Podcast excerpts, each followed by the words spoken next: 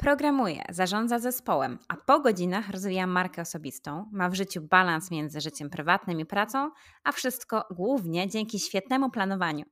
Gościem mojego podcastu będzie dzisiaj Monika Torkowska i razem porozmawiamy o tym, jak efektywnie planować, poruszymy temat szeroko pojętej produktywności i zahaczymy o nawyki. Zapraszam Was serdecznie do tego odcinka. Cześć! Dziękuję, że słuchasz kolejnego odcinka mojego podcastu. Jestem dietetyczką, koordynatorką projektów prawnych, multipotencjalistką i pasjonatką zdrowego stylu życia i dobrego jedzenia. Opowiadam o tym, jak odżywiać się z przyjemnością, rozwiewam dietetyczne mity i mówię o tym, co mnie pasjonuje.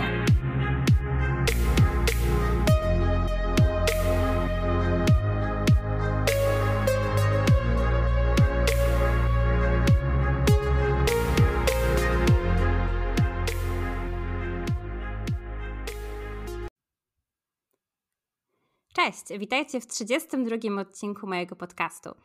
E, I dzisiaj trochę przełamuję konwencję, bo nie będzie ani o dietoterapii, ani o zdrowym stylu życia, no, chociaż uważam, że poniekąd będzie, ale porozmawiamy o efektywnym planowaniu, nie tylko treningów, nie tylko diety, ale ogólnie o planowaniu swojego życia. Nie jestem dzisiaj sama, bo w wirtualnym studiu mamy także fantastyczną gościnę i mam nadzieję, że to dobrze odmieniam, Monikę Torkowską i razem postaramy się odpowiedzieć na pytanie, jak skutecznie realizować to, co sobie postanowiliście i jak w ogóle do tego całego planowania można się zabrać. Jeśli znacie jeszcze Moniki, to odsyłam Was koniecznie na jej bloga o szeroko pojętej produktywności, zarządzaniu sobą i ogarnianiu po swojemu mm, bez spiny. Ogólnie bardzo mi się podoba takie podejście bez spiny, szanuję. I szczerze mówiąc, pochłonęłam kilka Twoich artykułów na jeden kęs. Y, żeby przełamać pierwsze lody, możesz po prostu przedstawić się naszym słuchaczom. Cześć, jestem Monika Torkowska, tak jak e, Agnieszka e, wspomniała. I sama się zastanawiałam e, nad tym pytaniem, kim tak naprawdę jestem, przy okazji jednego z moich ostatnich postów na Instagramie. Mm, I bardzo nie lubię szufladkowania, ale tym, co mnie całkiem nieźle określa, a nie szufladkuje w żaden sposób, to jest określenie takie, że jestem twórczynią. E, I twórczynią na różnych polach, to znaczy, że na etacie tworzę kod programistyczny i relacje w zespole jako liderka i też przestrzeń do rozwoju dla moich ludzi, bo jestem też przełożoną. A w internecie, tak jak Agnieszka wspomniała, tworzę różne treści. I tworzę takie treści przede wszystkim, które mają pomóc ludziom nauczyć się i tu bym użyła mojego hasła, takiego hasła, które wymyśliłam przy okazji e, mojego nowego projektu, którym jest podcast.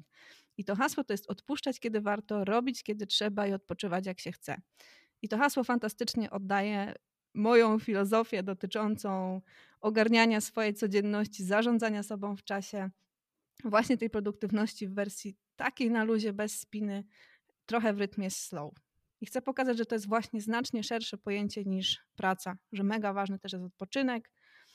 I myślę, że jest to trochę taki skutek uboczny mojej niechęci do kultu takiego zachrzaniania non-stop.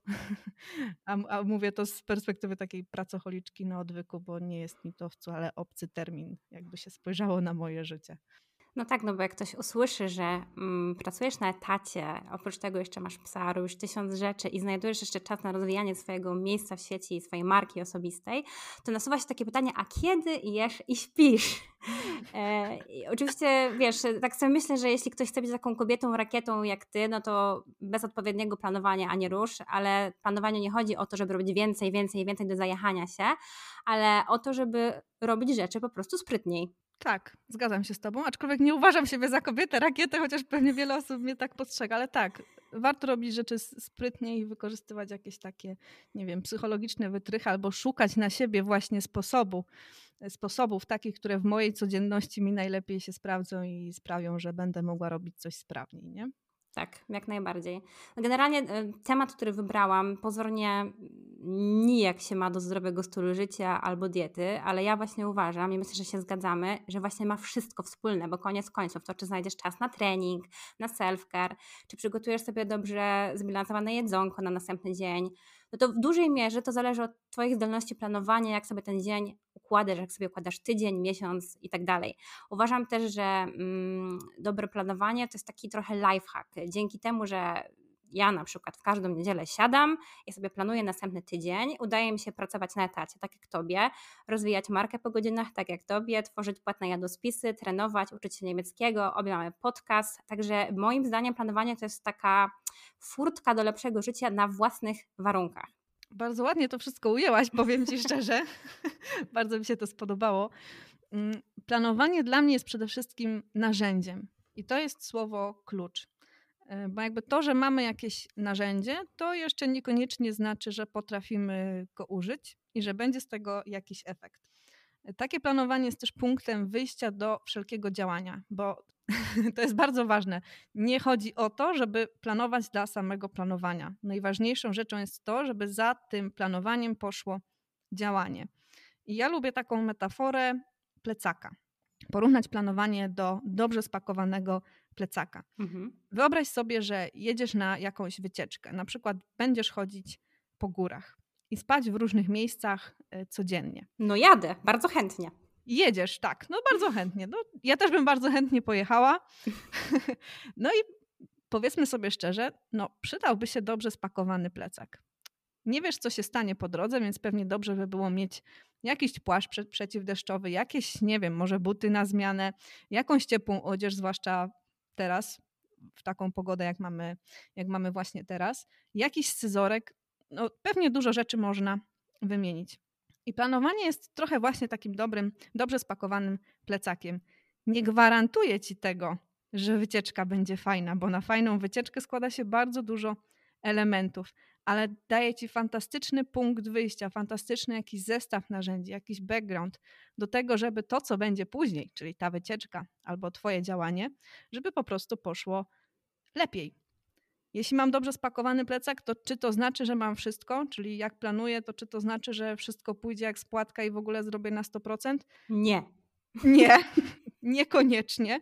I wcale tak nie musi być ale to, co jest ważne, planowanie bardzo może nam zminimalizować ryzyko e, takich fakapów, nie wiem jak to powiedzieć po polsku. Ale rozumiem, rozumiem co masz na myśli, tak. Rozumiesz co mam na myśli, nie? Bo... Wpadek takich, po prostu nieprzewidzianych tak, okoliczności. Tak, takich, które u większości osób, które jakby nie potrafią na przykład jeszcze tego w, swoim życiu obsługiwać i denerwują się tymi porażkami, denerwują się tymi, e, tym zmianem planu, tymi zmianami planu, tym, że czegoś nie dowiozły, pomagają nam zminimalizować ryzyko tego, że jakiś projekt nam nie wyjdzie, no bo źle się przygotowałyśmy do tego, nie przewidziałyśmy czegoś, w związku z czym te nasze plany były zdecydowanie mniej dopasowane do rzeczywistości.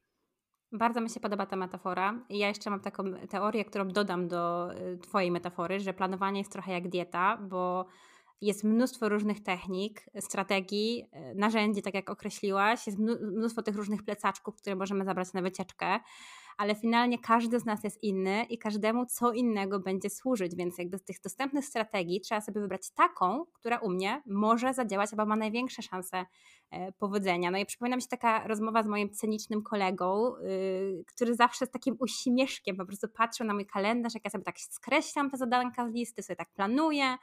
No i on jakby nigdy nie pojmował, po co w ogóle ja tyle planuję. Przecież wystarczy po prostu robić rzeczy. No to jak Monika, po co w ogóle planować? Nie wystarczy robić rzeczy?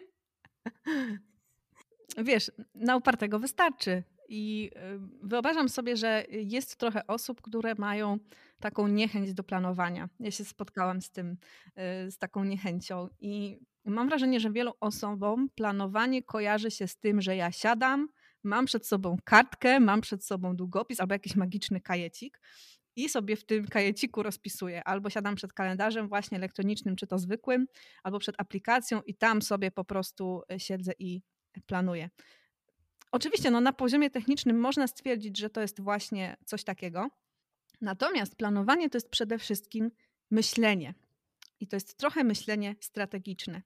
I mam pewną hipotezę, że osoby, które nie lubią planować, e, które nie planują, a przynajmniej tak o sobie myślą, że nie planują, planują w sposób taki trochę nieświadomy. Gdzieś tam trzymając sobie to e, po prostu z tyłu głowy i one się tak napędzają do działania. I nie ma w tym absolutnie nic e, złego. W sensie ja się tego nie czepiam, chociaż, chociaż widzę pewne zalety korzystania z narzędzi, jednak ściągania tych rzeczy, rzeczy z głowy, bo to w pewien sposób obciąża moim zdaniem i ściąga nam jakby zasoby, których potrzebujemy na, na co dzień. Dlatego no, są ludzie, którzy nie planują w taki sposób jakby klasyczny, jak my tutaj rozumiemy i też się mają dobrze, nie będę nikogo nawracać, nie? Natomiast po co planować? Jeśli to planowanie jest dobrze zrobione, czyli uwzględni naszą sytuację życiową, uwzględni też jakieś plany nasze z kalendarza albo potencjalne sytuacje, które raz po raz nam się wydarzają i my już po jakimś czasie wiemy, że one się przydarzają, to dzięki tej wiedzy jesteśmy w stanie uniknąć w sumie tych porażek, o których mówiłam wcześniej. Chociaż słowo porażka jest złą porażką, bo to jest najczęściej, że po prostu coś nam się przesuwa i to powoduje irytację. Dobrze zrobione planowanie daje nam taki efekt, że my przewidujemy w pewien sposób te, to, co się może stać, co się może nam po drodze wykrzaczyć. Dobre planowanie bardzo zwiększa skuteczność tego, co my zaplanujemy. Bardzo zwiększa prawdopodobieństwo, że my to faktycznie zrobimy. I tu nie jest, że Torkowska sobie to wymyśliła albo że widzi to tylko u siebie. nie, to nie jest tak, ponieważ y, mamy badania, które to potwierdzają. Jednym z takich badań jest um, przeprowadzony eksperyment przez Petera Golwicera.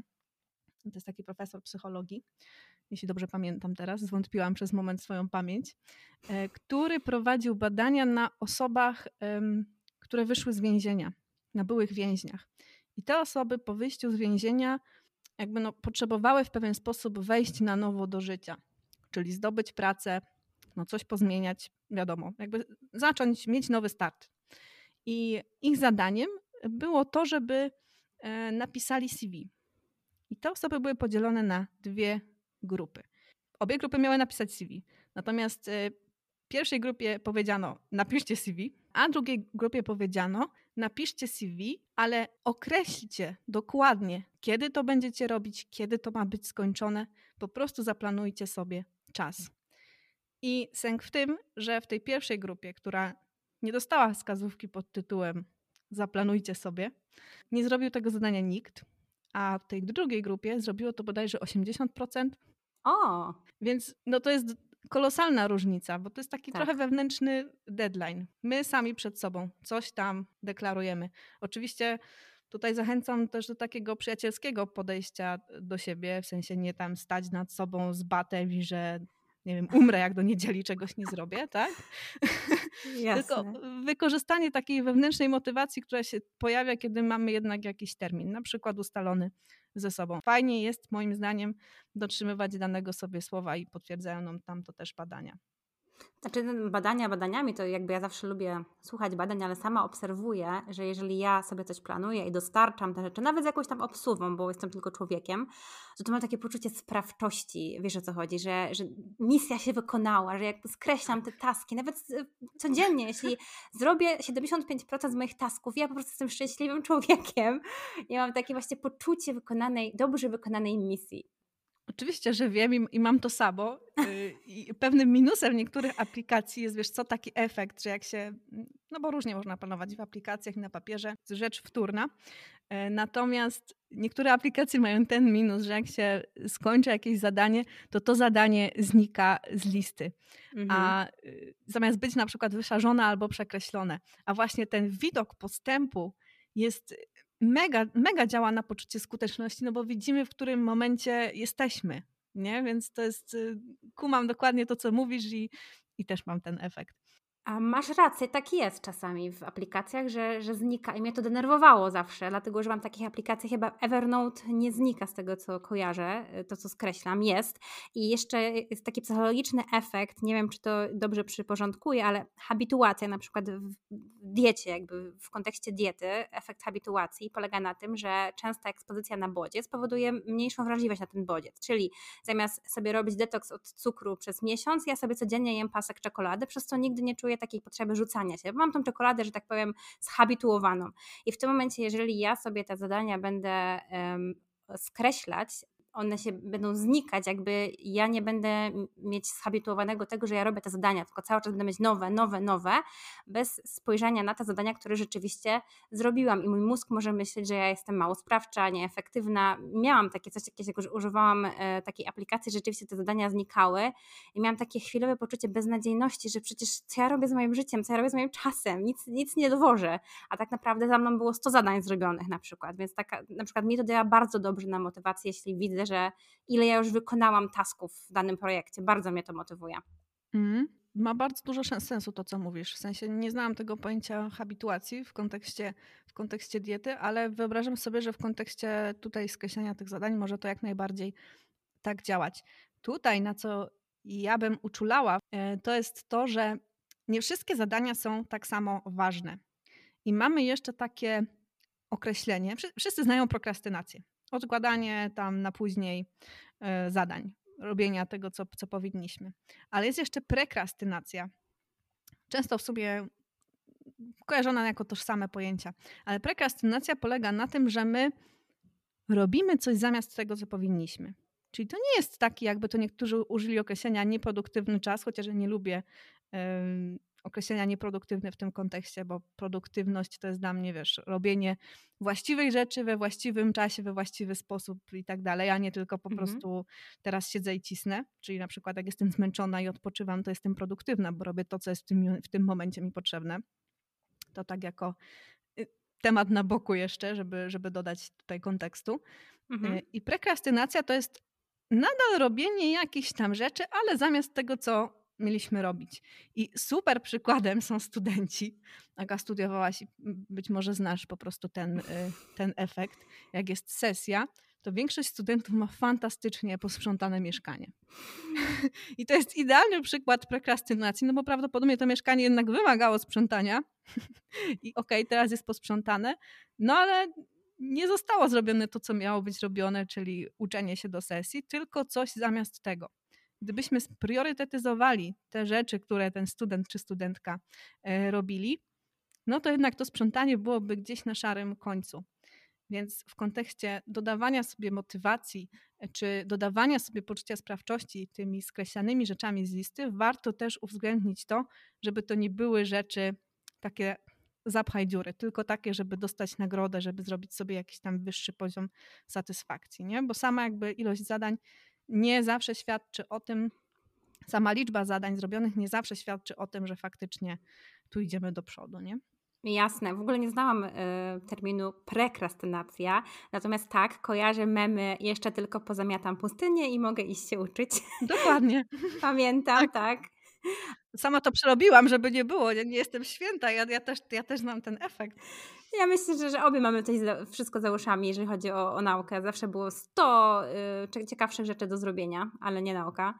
Y, no, ma, ma, to sens rzeczywiście. Nie chodzi tu jakby o robienie zadań jakichkolwiek, tylko o robienie tych zadań, które no, powinno się robić w właściwym czasie, w właściwy sposób, tak jak powiedziałaś, ale wydaje mi się, że jak odpowiednio planujesz, to znaczy patrzysz na swoją listę zadań i ustawiasz priorytety jakieś tam, no to siłą rzeczy nie zaczniesz od końca, nie? Tylko zaczyna się od przysłowiowej jak to się mówi, połknij żabę, Eat the Frog, jest taka mhm, książka. tak, Zaczyna się tak. od najbardziej jakby ciężkich zadań na początku dnia, kiedy masz swoją uwagę taką najsilniejszą, Um, oczywiście nie wszyscy tak działają, ale większość z nas jednak ma um, największe zasoby mm, energetyczne rano, e, mhm. motywację rano, dlatego też robienie treningów jest dla niektórych dobre rano, jeżeli mają właśnie ten, takie zasoby um, silnej woli największe rano.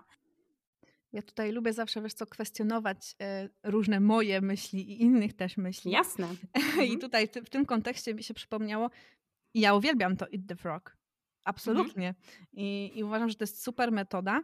Natomiast jest jeszcze coś takiego, że czasami poziom trudności tego, co byłoby tą żabą, jest na tyle wysoki, że mamy tendencję do tego, żeby faktycznie prokrastynować albo prekrastynować.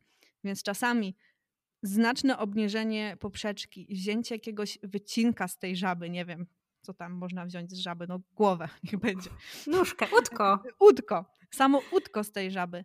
Coś takiego stosunkowo łatwego dla nas, coś, co wymaga od nas niskiego nakładu pracy, ale da nam już właśnie tę taką małą nagrodę, że zaczęliśmy, że już po prostu coś ciągniemy do przodu, to to może pomóc zniwelować taki efekt, że jest nam bardzo trudno dalej się wziąć do pracy, ponieważ to, co robimy, wydaje nam się mega, mega, nie wiem, trudne, w ogóle nie jestem w stanie tego dzisiaj zrobić, bo to jest za dużo rzeczy, to to może bardzo pomóc. Inną sprawą jest też to, że jeśli mamy takie wielkie rzeczy, to najczęściej to są projekty, których jeszcze nie porozbijaliśmy na odpowiednio małe zadania. I z tego też wynika ten problem, no ale to też już jest i trochę inny temat, nie? No czy też właśnie mi w myślach, bo miałam powiedzieć, że każdy większy projekt czy większe zdanie trzeba sobie porozbijać na takie łatwostrawne kawałeczki, co się nazywa też, nie mam pojęcia jak po polsku, Work Breakdown Structure, czyli metoda WBS, gdzie po prostu bierzesz jakikolwiek task i po prostu każdy wielki kolos jest sumą takich mniejszych kameszków, które są po prostu bardziej łatwostrawne i które można sobie porozbijać na przestrzeni czasu. Ale to też, tak jak mówisz, jest osobny temat, mi się wydaje, ta mm, metoda. I nie zawsze to potrafimy robić, wiesz, intuicyjnie, nie? Bo się wydaje nam, a co to tam nagrać podcast? A jak wypiszesz, czym jest nagranie podcastu i jakby całe zamknięcie projektu, który nazwiemy jako podcast, to okaże się, że tam jest dwadzieścia kilka chyba kroków. Kiedyś to wypisywałam. No, no tak. To nie jest rzecz na teraz, na jeden raz, nie? To jest jednak projekt, który ma, ma pewne kroki, które nas doprowadzają do efektu finalnego. No widzisz, a nam się zachciało po godzinach jeszcze podcasty nagrywać. No kurczę, no. A co byś w takim razie powiedziała takim właśnie niedowiarkom, którzy mówią, ja nie mam na to czasu, w sensie na planowanie, zarobiony jestem. Ojeny, lubię to, wiesz co, bardzo to lubię, powiem ci szczerze. Kiedyś mi kolega w pracy powiedział, że y, jak tam rozmawialiśmy o, o blogu y, moim y, wówczas, jak zaczynałam, czyli tam jakieś dwa lata temu, to on powiedział, że, że nie ma czasu właśnie czytać, y, czytać bloga o zarządzaniu sobą w czasie. Powiem tak, no czas nie jest z gumy i jeśli my nie mamy tego czasu teraz na nasze bieżące rzeczy, w sensie mm, mamy poczucie, że tego czasu nam brakuje, jakby ja nikomu nie wymyślę, że teraz nagle z 24 godzin komuś doba się rozciągnie do 48, bo to jest po prostu niemożliwe. Jeśli chcemy w jakiś sposób odzyskać czas, czyli na przykład nauczyć się, nie wiem, planowania, jakichś technik, czegoś, co nam pomoże trochę tego czasu odzyskać, to najpierw musimy go skądś ukraść. po prostu. I bardzo często yy, na przykład takim źródłem, z którego możemy ukraść ten czas, to są social media. No chyba, że ktoś jest jakimś takim, nie wiem, kimś odciętym od internetu i nie korzysta w ogóle z internetu. Mhm. Natomiast mhm. obstawiam, że to nie jest większość naszych słuchaczy i słuchaczek, biorąc pod uwagę, że słuchają naszego podcastu, prawdopodobnie korzystają z jakichś social mediów, nie wiem, oglądają coś na YouTube i tak dalej. To to jest pierwsze, pierwsze coś, gdzie ja bym uderzyła. Mhm. Sprawdzenie, ile ja tak naprawdę czasu spędzam w tych social mediach. Ja nagrałam bardzo fajny odcinek o tym. Tak, teraz chwalę, że to był fajny odcinek, bo to jest, wiecie, metoda, metoda, z której ja naprawdę regularnie korzystam. I kto mnie obserwuje na Instagramie, ten o tym wie, bo ja raz po raz o tym y, wspominam. Mm, w trzecim odcinku podcastu Między Wskazówkami opowiadam o tym, jak ja liczę dostępny swój czas. Jest tam przygotowany taki specjalny arkusz Excelowy, ja też z niego korzystam, który pozwala sprawdzić wszystkie aktywności, które człowiek podejmuje w skali tygodnia, bo to jest akurat arkusz na y, tydzień, można go też przerobić sobie pewnie na miesięczny, jak ktoś będzie miał takie, takie życzenie. I na podstawie analizy tego, co nam z tego wyjdzie, okaże się, gdzie my ten czas tracimy. A większość z nas naprawdę go traci, i to najczęściej tym źródłem jest internet. Więc, żeby zacząć coś robić w kierunku tego y, planowania, odzyskiwania czasu, czegokolwiek w tym stylu, no to to jest właśnie pierwszy kandydat do, nie mówię, że odstrzału, ale do przyjrzenia się mu, być może ograniczenia i stamtąd gwarantuję, że dwie godziny w tygodniu nie trzeba poświęcać aż tak dużo, to nawet może być równie dobrze 5 minut dziennie, taka wersja y, minimum, więc to naprawdę nie jest czas, którego nie jesteśmy w stanie wygospodarować. Absolutnie się zgadzam i należy też pamiętać zawsze, że coś kosztem czegoś. Mówiłaś o social mediach. Ja dzięki Tobie sobie zainstalowałam aplikację Stay Focused, y, która mi mierzyła, ile ja czasu tak naprawdę spędzam na social mediach, co było bardzo przykrym y, ćwiczeniem dla mnie. Okropnie, dla mnie też. I po prostu jak ja mogę sobie to robić i tyle czasu spędzać na TikTokach? Ja akurat bardzo lubię TikToki, bo tam mają przepisy. Ja kocham jedzenie. Oh. Na tych przepisach, na Instagramie i było mi bardzo smutno dowiedzieć się, ile czasu spędzam, więc ucięłam to, mam teraz limity. E, ale na przykład drugą rzeczą, z której często rezygnuję i co jest znowu coś kosztem czegoś, jest porządek. Jeżeli e, miałabym narzeczonego, który jest pedantyczny, to bym nie wywalił z domu już dawno.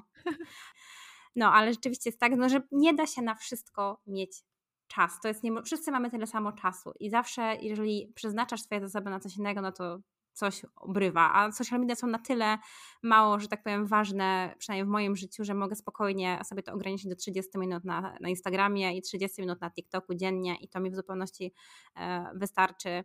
Natomiast no to każdy sobie musi już ocenić, ile tego czasu jest w stanie poświęcić, przeznaczyć właśnie na social media. Można sobie to rozłożyć. I tak jak mówisz, to, że nie jest tak, że, że nie, nie mamy czasu, bo wszyscy mamy tyle samo czasu, tylko kwestia naszych priorytetów, co ja wolę w danym momencie zrobić, prawda? Mhm. Tu jeszcze się odwołam do tego, że wszyscy mamy e, tyle samo czasu. Znów powiedziałam, że i tak, i nie. Co, co do wartości, jakby dobowo, tak, 24 godziny, nie? Natomiast jakby sytuacja każdego z nas jest bardzo mocno indywidualna. I oczywiście część tych sytuacji wynika z wyborów życiowych, typu mam dzieci lub nie mam dzieci, mm, ale też z zasobów finansowych, które są w tym konkretnym momencie. Na przykład zakładając, że mogę sobie finansowo na to pozwolić i oddelegować jakąś część rzeczy, a ktoś nie, bo na przykład nie ma na to budżetu jakiegoś finansowego, no to automatycznie będę o krok do przodu, no bo odzyskam po prostu delegując ten czas. Nie? Więc warto jakby spojrzeć pod kątem też tego, jaką my mamy sytuację i, i z czym startujemy. I też y, przyszła mi do głowy taka analogia, znowu analogia. Z plecakiem? Czy jakaś Nie, inna? nie. Tym razem taczka. Słuchaj, taczka. Pchanie pustej taczki. Są takie chyba memy albo jakieś takie żarty związane z tym, że ktoś pcha pustą taczkę. I ktoś go pyta, ej stary, czemu tę pustą taczkę tak pchasz? Tak biegasz z nią a on mówi, że nie mam jej kiedy załadować. I to jest, to jest trochę tak właśnie z, z, z wdrażaniem jakichś metod, które mają nam ułatwić życie. Ja nie mam czasu temu poświęcić chwili, a ukradnąc skądś ten czas, bylibyśmy w stanie odzyskać dużo więcej. To tak zachęcam do tego, żeby nie pchać tych pustych taczek. To jest taka dobra rada, powiedziałabym. Nie pchać pustych taczek, ani nie brać pustych plecaków. O. Tak, tak, o, ale klawrę zrobiłaś, wspaniałą. No dobra, to już ustaliłyśmy, że wszyscy jesteśmy po prostu zarobieni. Jedni pchają puste taczki, jedni pchają pełne, ale od czego w ogóle zacząć? Jeśli chcemy poświęcić jakiś tam skrawek, już mamy ten czas wygospodarowany, to od czego można zacząć e, proces planowania? Wbrew pozorom, nie od wyboru planera albo aplikacji, w której będziemy to robić. Mam wrażenie, że to jest częsty błąd. Ludzie się zastanawiają, a jak planer, to teraz tak, to teraz ma być jeden dzień na jednej stronie, czy może lepiej mieć widok tygodniowy? A jak aplikacja, to lepiej, żeby były, nie wiem, checkboxy, czy lepiej, żeby tam była możliwość planowania projektów? W ogóle stop, nie? W ogóle tak. nie, nie w tym kierunku, zupełnie. Narzędzie jest zupełnie wtórną e, rzeczą, a zdamy sobie z tego sprawę, kiedy dowiemy się, znaczy będzie kilka kroków przed samym wyborem narzędzia. Musimy dowiedzieć się, po co jest nam tak naprawdę planowanie i jaki problem mam mi rozwiązać. Czy ja chcę planować moje działania po etacie, po godzinach, jak to my mówimy? E, czy mam własną działalność i chcę planować rzeczy, które ja robię w ramach tej działalności? To ma bardzo duże znaczenie, ponieważ inaczej będziemy podchodzić do tego procesu planowania. I to jest pierwsza rzecz, którą powinniśmy, powinnyśmy wiedzieć, kiedy zanim w ogóle chcemy pomyśleć o planowaniu. Druga rzecz, mając w głowie to, co, to pytanie, na które sobie wcześniej odpowiedziałyśmy, to dowiedzieć się, ile ja mam w ogóle dostępnego czasu. I mam wrażenie, że to jest najczęściej pomijany krok. Że ludzie, dobra, wiem, co chcę zaplanować, w jakim obszarze, chcę sobie zaplanować swoje działania po godzinach. No i fajnie. I potem co robią ludzie? Lecą, co jest do zrobienia. Wypisują listę jak, tak, jak umieją, albo mają już jakiś swój system i po prostu jadą z tym. Nie? Tutaj w poniedziałek zrobię to, we wtorek to, za dwa tygodnie tamto i jadą z tym. A bardzo często pomijanym krokiem jest to, żeby się dowiedzieć, ile mam czasu na to, co ja chcę zrobić. O tym właśnie mówię w tym trzecim odcinku podcastu. To jest bardzo, bardzo, bardzo ważny krok, bo pozwoli już na samym wejściu ocenić, czy my jesteśmy w tym założonym czasie w ogóle w stanie to zrobić, czy my tak żyjemy bardziej marzeniami i to, co chcemy zrobić w czasie X, jest kompletnie niedostosowane do tego, co my w życiu robimy, jaką mamy sytuację, nie wiem, że dzieci nam chorują co dwa tygodnie ciągle i w ogóle nam się wszystko e, wysypuje. Bardzo polecam sprawdzić najpierw, ile tego czasu faktycznie dostępnego jest, a potem, jak się okaże, na przykład z tej aplikacji, z tej Focus, o której wspomniałaś, że hmm, jednak ten Instagram albo TikTok to nam zżera tyle, że ojojoj, to wprowadzić pewne strategie korygujące, strategie, które pozwolą nam odzyskać trochę czasu właśnie na to, co chcemy zaplanować i dopiero wtedy przeszłabym do zastanawiania się, ok, jakie są kroki, do myślenia o tym, jakie są y, narzędzia, bo tak naprawdę sama metoda i narzędzie jest rzeczą bardzo drugorzędną. O tych narzędziach czwarty odcinek podcastu, y, tam opowiedziałam, opowiedziałam o całej mojej historii, bo to była ciekawa historia. Od planera poprzez aplikację, znowu planer, a wszystko to wynikało z tego, że nie do końca odpowiedziałam sobie na te pytania, które wspomniałam przed chwilą. Dlatego tak naprawdę to, co powinno być w centrum, to nie było w centrum, tylko ja tak się rzucałam między tymi narzędziami. Dlatego na, co, na to bardzo uczulam. Masz rację. Jakby też cała analogia z tą dietą, no to zanim znajdziesz swoją dietę czy swój model żywieniowy, trochę czasu upłynie, bo musisz zorientować się, co działa, co nie działa, a przede wszystkim, tak jak mówiłaś, ile masz dostępnych zasobów. I w ogóle może powiedzmy słuchaczom, że twój podcast nazywa się Między Wskazówkami, tak? Dobrze tak, pamiętam? Między Wskazówkami. Mhm. No, więc jako uzupełnienie tego podcastu zadanie domowe, y, siedem odcinków nagrałaś czy sześć? Nie pamiętam. Sześć, chociaż jak y, będzie opublikowana ta rozmowa, to być może będzie już siódmy. Jeszcze w kontekście tych, tych narzędzi, y, to mi się tak przypomniało, żeby się za bardzo na nich nie skupiać. I mam taką fajną historię. Ja nie wiem, czy ona jest prawdziwa, ale przeczytałam ją w książce. Jeszcze jej nie skończyłam. Książka jest, nazywa się How to Take Smart Notes. I tam była taka historia, że mm, NASA zastanawiało się, jak to zrobić, żeby podczas lotów w kosmos można było mm, pisać, tam chyba było piórem kulkowym napisane, czyli czymś, co ma po prostu y, tusz. I normalnie, jak jesteśmy na Ziemi, no to w wyniku grawitacji ten tusz spływa i trafia y, na kartkę. No i była taka zagwozdka, jak to zrobić, żeby no, móc pisać tym też w przestrzeni kosmicznej.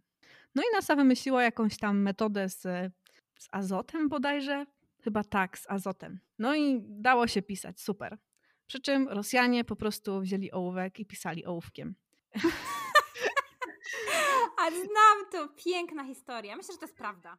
Ja myślę, że to jest prawda. Ja bym się nie zdziwiła, gdyby to była prawda, ale to zaznaczam, że nie weryfikowałam tego, ale bardzo mi się spodobało, bo to super opisuje to, jak my czasami sobie sami utrudniamy, utrudniamy robotę. Utrudniamy nawet to planowanie za bardzo się skupiając na narzędziach, kiedy wystarczy tak naprawdę, jak się uprzemy, zwykła kartka i długopis. Y, naprawdę. I od tego też można zacząć i, i spoko. No właśnie, może powiem yy, słuchaczom, jak ja sobie to wszystko planuję i wcale nie używam żadnych dziwnych narzędzi do tego.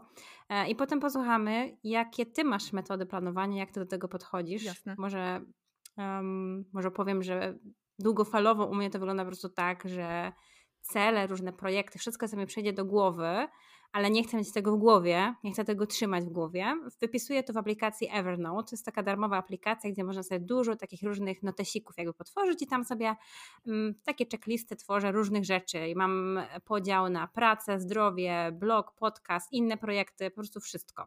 I później stosuję planowanie dziewięciotygodniowe. Ja wiem, że jest normalnie dwunastotygodniowe, ale u mnie akurat taki przedział się y, bardziej sprawdza, bo średnio każdy taki większy projekt typu stworzenie jadłospisu zajmuje mi 9 tygodni, więc u mnie bez sensu to rozciągnąć na 12 tygodni. Wiadomo, że praca się rozciąga tak, jak deadline się rozciąga. Mhm. Właśnie chciałam się zapytać, jak doszłaś do tych 9 tygodni, bo to jest mega ciekawe skomplikowane obliczenia, miesiące y, liczenia, y, analitycy siedzieli i tak właśnie powstało 9 tygodni. Nie, tak naprawdę po prostu zauważyłam, że średnio potrzebuję 9 tygodni, jak sobie rozpisałam, tak jak mówiłaś, wszystkie rzeczy, które muszę zrobić do jadłospisu, to zajmuje mi to po prostu 9 tygodni, nie 12. Więc po co mam marnować 3 tygodnie, jak wiadomo, że praca się i tak rozciągnie na te 3 tygodnie, jeśli ja sobie tak to zaplanuję. No jak sobie tak siadam i potem myślę, który projekt z mojej listy mam ochotę lub przymus, bo czasami jest przymus, y, realizować w tych 9 w tych tygodniach i to są moje priorytety na dane okienko czasowe. No i czasami to jest 9 tygodni, czasami jak jest taki bardziej skomplikowany projekt, to to jest 10, 11, ja nie mam żadnych, nie ograniczam po prostu. Nie mam żadnych takich narzuconych, sztywnych metod. I krótkofalowo, jak już mam te priorytety ustalone na dany czas, to wygląda tak, że w każdą niedzielę wieczorem sobie siadam i w kalendarzu rozpisuję listę zadań w kalendarzu takim normalnym na cały tydzień i na podstawie y, tej listy pod koniec każdego dnia przygotuję sobie listę dwóch, trzech rzeczy danej kategorii, czyli praca, blog i życie na dzień następny. Wiadomo, że czasami mi się uda wszystko, czasami mi się nie uda i te rzeczy, których mi się nie uda, przechodzą na dzień następny, ale finalnie zawsze jest tak, że większość jednak tych tasków na dzień, na tydzień dany realizuję. To jest akurat moja metoda. To nie jest ani dobra metoda, ani zła, po prostu to u mnie działa. Jestem bardzo ciekawa, jak to działa u Ciebie jako ekspertki planowania i produktywności? Jak sobie Ty to wszystko, nie wiem, może masz jakieś ulubione metody? Jak to u Ciebie w ogóle funkcjonuje? Ekspertki. Zawsze się, zawsze się śmieję, jak ktoś tak o mnie mówi. Podejrzewam, że to jest związane z syndromem oszustki albo, albo, czymś w tym, albo czymś w tym stylu. Na pewno. E, no. no. też jest coś takiego ważnego w sumie w kontekście planowania, ten syndrom oszustki. E, przeszkadza w działaniu zdecydowanie. Obecnie, jeśli chodzi o moje ulubione metody planowania, to jest właśnie planowanie 12-tygodniowe, które, które ty wymieniłaś. E, to jest planowanie takie oparte na koncepcji, którą można przeczytać w książce y, pod tytułem 12-tygodniowy rok. No i właśnie w tym, w tym planowaniu chodzi o to, że normalnie, znaczy normalnie, tu kreślę cudzysłów oczywiście w powietrzu, bardzo często w kontekście planów i celów myślimy w kontekście e, roku. A tutaj autorzy proponują skupienie się na y, krótszym czasie, czyli 12 tygodni, czyli to jest mniej więcej kwartał. I to ja bym powiedziała, że to nie są żadne, żadne sztywne ramy tygodniowo. Ja, mi faktycznie wychodzi zwykle 12 tygodni, 11 i to jest o tyle lepsze, że jesteśmy w stanie się lepiej skupić na krótszych odcinkach czasu. I ja u siebie widzę, że to mi super działa, ale do tego planowania 12-tygodniowego to nie jest tak, że siedzę i planuję całe 12 tygodni i po prostu lecę tydzień po tygodniu, no bo planowanie 12-tygodniowe też się składa z pewnych etapów, czyli najpierw potrzebuję w ogóle dowiedzieć się, co ja chcę zrobić, w sensie co jest tym celem, celem końcowym. Zwykle mam trzy na ten dany okres w różnych obszarach, mm, takich związanych z tym, co robię w internecie, e, jakieś działanie rozwojowe, coś ten deseń. Mm, I po prostu planuję każdy, każdy też tydzień w oparciu właśnie o ten cel, do którego zamierzam dojść. I wyznaczam też sobie takie checkpointy, takie punkty kontrolne w tych 12 tygodniach, które pozwalają mi stwierdzić, czy jestem w dobrym momencie. Czy na przykład nie uległam czemuś takiemu jak e, złudzenie e, planowania. To jest takie zjawisko opisane w sumie w książce Pułapki myślenia. O, bardzo fajna książka, chociaż ciężko się ją czyta. Jeszcze nie skończyłam. Ale złudzenie planowania to jest y, takie zjawisko, które występuje ogólnie szeroko w świecie. Jeśli y, kiedyś y, ktoś z naszych słuchaczy, słuchaczek robił remont i założył na ten remont jakiś budżet, to prawdopodobnie ten budżet się nie spiął i na przykład trzeba było dołożyć 20, 30 albo 50%. I to nie jest tak, że tylko nas to dotyczy, bo złudzenie planowania występuje też w korporacjach, w jakichś wielkich projektach. Po prostu człowiek ma taką tendencję do niedoszacowywania zarówno czasu, kosztów, y, jakichś innych nakładów.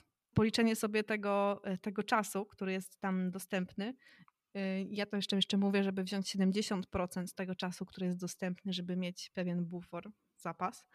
Mm, mhm. I właśnie te checkpointy pozwalają mi też stwierdzić, na ile ja uległam lub nie w tych danych 12 tygodniach złodzeniu planowania, albo że czy coś mi się po prostu po drodze w życiu stało, że mi te plany y, nie idą. I ja też robię sobie trochę planowanie takie tygodniowe, tak jak, tak jak ty mówisz, że mam jakiś tam jeden dzień w tygodniu, nie zawsze to jest niedziela, bo czasami weekend robię sobie totalnie off, to jest bardzo płynne, nie mam takich super sztywnych zasad na to, teraz już.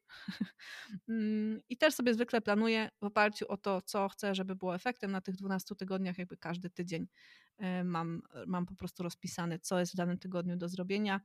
Czasami, jak mam też ochotę, to wracam do planowania dnia, e, bo kiedyś bardzo miałam oparte moje działania na planowaniu dnia, głównie wtedy, kiedy Uczyłam się tego, żeby pozostawać y, w zgodzie ze swoim planem, bo to też jest pewna umiejętność, którą y, trzeba w sobie wykształcić. W sensie, że nie prekrastynuję, tylko robię to, co mam faktycznie zaplanowane. Trochę na zasadzie priorytetyzacji, bo zawsze jest coś do zrobienia. Ciągle są jakieś rzeczy do zrobienia i ja mam mnóstwo rzeczy spoza tej głównej powiedzmy listy, które też na mnie czekają, nie? Tylko chodzi o to, żeby inaczej działam tak, żeby te rzeczy spoza listy nie przykrywały mi tych, które są w tym te najważniejsze dla mnie, nie? Dlatego co chcę, e, co chcę zrobić. Więc tak, aktualnie u mnie wiedzie pryn e, zdecydowanie dwu, planowanie 12-tygodniowe. Mm, a tak z ciekawości, czy sobie robisz w, w ogóle jakieś postanowienia noworoczne, skoro planujesz tydzień, jakby planujesz swoją pracę w perspektywie 12-tygodniowej? Wiesz co, w zeszłym roku chyba już nie zrobiłam. chyba już nie zrobiłam i nagrałam na to, nawet na ten temat jakiś film na YouTube o postanowieniach noworocznych. U mnie się nie do końca ta koncepcja sprawdza. e, bo postanowienia noworoczne to jest znowu coś w kontekście całego roku. I dla mnie to jest za długo, bo dynamika tego, co się dzieje w moim życiu, jest dosyć duża. I też e, jak się tworzy coś w internecie, to mam wrażenie, nie wiem, czy się ze mną zgodzisz, że dużo pomysłów się potrafi człowiekowi pojawiać w głowie. Mhm. I na przestrzeni roku to ja potrafię koncepcyjnie mieć y, kompletną zmianę. Więc y, ja nie robię jako takich postanowień.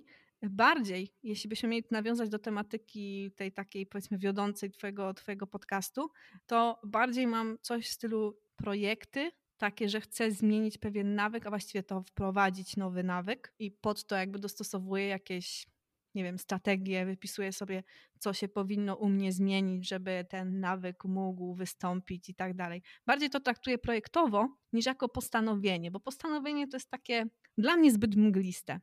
Za mało tam jest takich action items. O. No tak, nie jest konkretne, tak. nie, nie zobowiązujące. Tak, mniej zobowiązujące. I jak się to komuś sprawdza, to super. Ja wolę podejście trochę bardziej projektowe, co znowu podkreślam, nie znaczy, że stoję nad sobą z batem, bo to na długą metę się moim zdaniem nie sprawdza, wbrew pozorom. I nie ma nic wspólnego z samodyscypliną, bo dobra samodyscyplina, jeśli to tak możemy ująć, e, to jest też wyrozumiałość dla siebie. A w takim bardzo reżimowym podejściu tej wyrozumiałości najczęściej nie ma. Zgadzam się w 100%. Generalnie warto do siebie zawsze mówić jak do przyjaciółki. Dlaczego jakby miałabyś obrażać swoją przyjaciółkę, która by do ciebie przyszła z problemem? No, tak. No, o co chodzi w ogóle, więc dlaczego mielibyśmy obrażać siebie? Nie widzę, jakby z przyjaciółką nie żyje całe życie, więc dlaczego ma być dla niej milsza niż dla siebie? Ze sobą żyje całe życie. Tak. To, jest, to mi bardzo zmieniło podejście w ogóle do siebie, bo ja też kiedyś tak się w myślach jakby ształam, tyle niewa było, tak do siebie mówiłam, mhm. zaznaczam. Jak możesz nie robić tego, tego, tamtego, tamten ma tamto, tamto i to było straszna taka pułapka, no żal mi siebie było po prostu, że tak się traktowałam. Też o tym więcej mówiłam w odcinku o samoakceptacji, już nie pamiętam, który to jest odcinek, też mi trochę to zajęło. No ale tak jak mówisz, kompletnie planowanie nie ma nic wspólnego z musztro, musztrowaniem siebie, bo to do niczego nie prowadzi. Tylko się człowiek stresuje i frustruje, jest jeszcze bardziej zmęczony pod koniec dnia. To też nie chodzi o to, bo w planowaniu możemy też planować swój odpoczynek i powinniśmy planować swój odpoczynek i troskę o swoje ciało, zdrowie. Tak, szczególnie osoby, które mają, mają gdzieś tam w głowie pracoholizm, takie tendencje. Ja wiem, że wielu osobom to się wydaje takie absurdalne i po prostu teraz jakiś facepalm niektórzy pewnie zaliczają słuchając tego, ale tak, osoby, które mają skłonność do pracoholizmu, pewnie nie tylko te osoby, ale myślę, że szczególnie te osoby, że dla nich będzie ważne to, żeby faktycznie wygospodarować świadomie ten czas na odpoczynek. Bo osoby, pracocholicy, pracocholiczki, no jaki pracocholik ci powie, że nie lubi swojej pracy? No, prawdopodobnie ci nie powie, że nie lubi swojej pracy. No chyba, że już jest tak wkurzony i sfrustrowany swoją pracą, że tak, ale ja muszę pracować, bo coś tam. No to okej. Okay. Natomiast poza tym, to pracocholicy i pracocholiczki są w stanie pracować bardzo, bardzo dużo i przegapiać ten moment, kiedy są na skraju wyczerpania, Mam wrażenie, że ogólnie jako społeczeństwo ten, ten kult pracowania dużo gdzieś tam mocno w głowie y, siedzi, bez pracy nie ma kołaczy i tak dalej. No i oczywiście, no, Oj, jak tak. nie będziesz działać, no to jakby no, nic się samo nie zrobi, tak, to jest prawda. Natomiast, żeby być w stanie długofalowo utrzymać siebie w dobrym stanie, to, to też jest ważne, co ja mówię w kontekście produktywności, albo inaczej, jakie podejście ja wyznaję.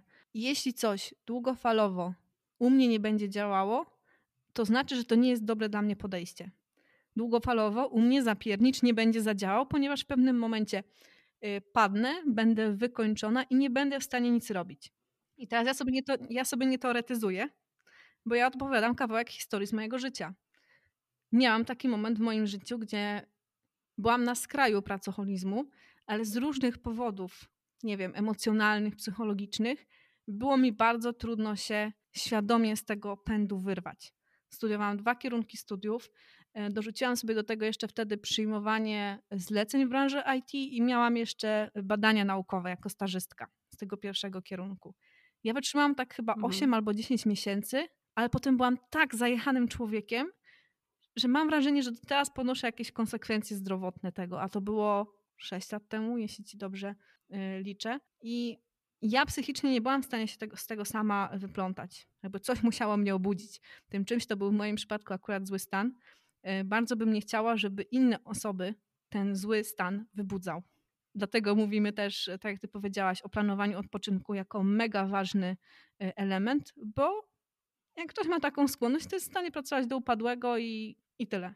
A to długofalowo naprawdę bardzo trudno się z tego po prostu podnieść. No tak, no w imię, w imię czego masz się zajeżdżać tak naprawdę. O, nie mam tendencji do pracoholizmu, dlatego że straciłam raz zdrowie, jakby nie, niezwiązane w ogóle to było z moją pracą i bardzo dla mnie zasób pod tytułem zdrowie jest na pierwszym miejscu. Praca nie jest u mnie na pierwszym miejscu, nigdy nie była. E, dlatego jakby mm, nie do końca się utożsamiam w tym, co powiedziałaś, ale wiem, że są takie osoby, sama znam takie osoby, które mogą pracować po 12 godzin, nie zjeść lunchu, y, pominąć śniadanie, pominąć spacer.